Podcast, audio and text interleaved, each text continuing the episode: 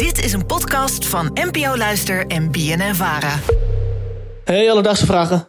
Ik zat van de week dus te kijken in een lijst van de top 2000 van dit jaar. Waarom staan er eigenlijk zoveel mannen in de lijst? Alledaagse vragen. NPO Luister. Ivo, dankjewel voor je vraag. Merel, ben jij een groot fan van de top 2000? Nee. Nee? nee. Ja, maar weet je hoe dat komt? Omdat uh, in mijn gevoel moet een top 10 wel spannend zijn elk jaar. Ja. En dat is hij gewoon niet. Nee. Dus dan denk ik, ja, we kijken uit naar het einde wat we al weten. Ik heb dus uh, even de lijst van dichtbij bekeken. En wat blijkt nou? Ik schrok er wel een beetje van. Want in de top 37 van dit jaar is geen enkele vrouw te horen. In de top 37 van dit jaar? Nummer 38 is ABBA, dus dat zijn de eerste vrouwen die je hoort. En zelfs daar horen ook mannen bij. Hoe kan het dat vooral in de hogere regionen van de top 2000 meer mannelijke artiesten staan? Zijn zij dan echt populairder dan bijvoorbeeld een vrouwelijke artiest? Dat vroeg ik aan Pauke Berkers. Hij is professor sociologie en populaire muziek. En dan moeten we even beginnen bij het begin. Want er zit al verschil in hoe muziek ons wordt aangeleerd. Heel traditioneel en stereotype dat, dat meisjes eigenlijk vooral uh, zingen, de fluit, de viool en de klarinet bespelen. En jongens de drums, de trompet en gitaar. Uh, dus in die zin zie je dat daar eigenlijk al bij, socialisatie, bij het leren, op jonge leeftijd wordt er al een onderscheid gemaakt. En wat uiteindelijk ook toe leidt dat er ja, weinig rolmodellen zijn van vrouwen die anders doen dan, uh, dan, dan zingen. Verder wordt er ook heel anders gekeken naar de gedragingen van een mannelijke of vrouwelijke artiest.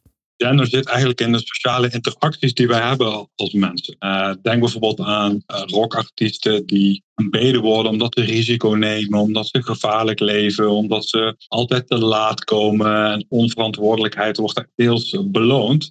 Terwijl het voor vrouwen bijna nooit het geval is. Kijk bijvoorbeeld naar Amy Winehouse, die wordt vooral werd benaderd als iemand waar je zorg over moet maken. En niet iemand die de rock and roll levensstijl belichaamde. Weet je wat ik ook altijd zo opvallend vind? Als je kijkt naar gewoon de grootste artiesten der aarde. En dan uh, neem een Beyoncé bijvoorbeeld en een Drake.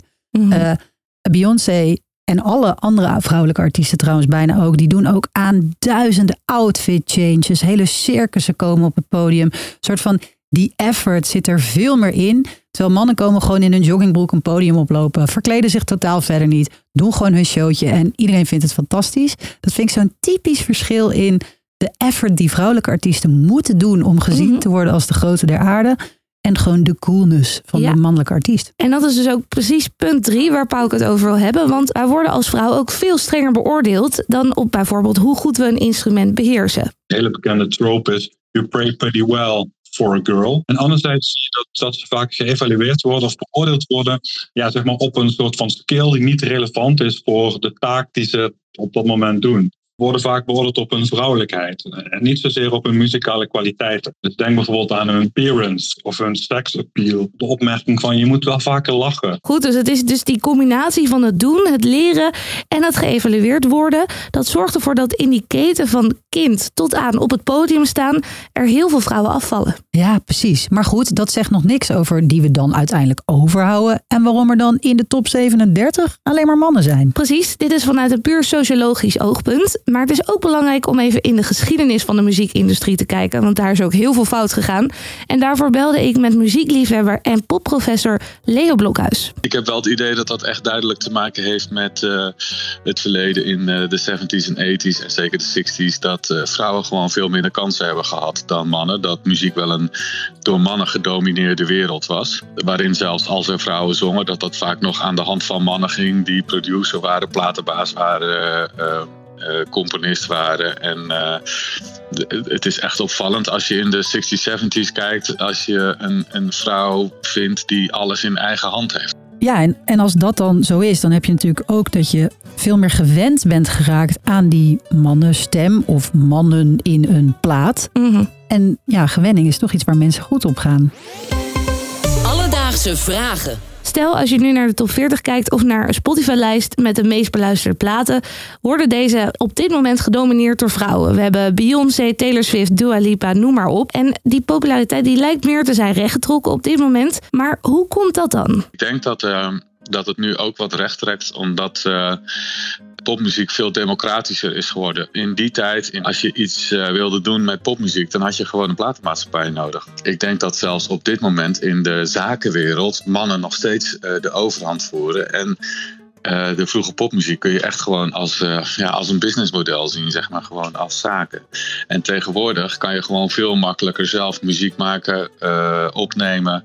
En ook de rol van de platenmaatschappijen is heel anders geworden. je kunt je eigen muziek uploaden op de streamingdiensten of in ieder geval distribueren. Dus die mannenwereld, zeg maar, die wordt steeds meer buitenspel gezet. Hoe zit het dan met die top 2000? Gaan vrouwen daar binnenkort ook die top 25 of zelfs de top 37 domineren? En daar is hier een hard hoofd in. Ik ben eerlijk gezegd geneigd om te zeggen dat het sombere beeld is dat dat nooit helemaal recht zal trekken, omdat je die geschiedenis niet op die manier kunt corrigeren. Uh, ik heb dat toevallig voor deze editie een beetje uitgezocht. Uh, ruwweg één derde van de platen die in de top 2000 staan zijn van na 2000. Ook ongeveer een derde staat er al, al die 25 jaar in. Of dat zijn liedjes die ook in het begin er al in stonden, zeg maar. Dus ja, die, dat, die echte oude platen die blijven wel belangrijk voor die top 2000. Dus Ivo, waarom staan er zoveel meer mannen in de top 2000 dan vrouwen? Dat heeft te maken met drie sociologische aspecten. Vrouwen krijgen een ander soort instrument aangeleerd en worden eerder afgestraft als zij zich anders gedragen. Daardoor is het lastiger voor vrouwen om uiteindelijk door te breken in de muziekindustrie. Daarnaast werd de muziekindustrie in de jaren 60, 70 en 80 voornamelijk gedomineerd door mannen. Gelukkig staat tegenwoordig de top 40 wel vol met vrouwelijke artiesten. En dat komt dan weer door de democratisering van de muziekindustrie. Heb je nou ook een alledaagse vraag? Stel die dan vooral uh, via de mail. alledaagsvragen.bnnvara.nl Of ga naar onze Instagram en laat een DM achter. Alledaagse vragen. NPO Luister.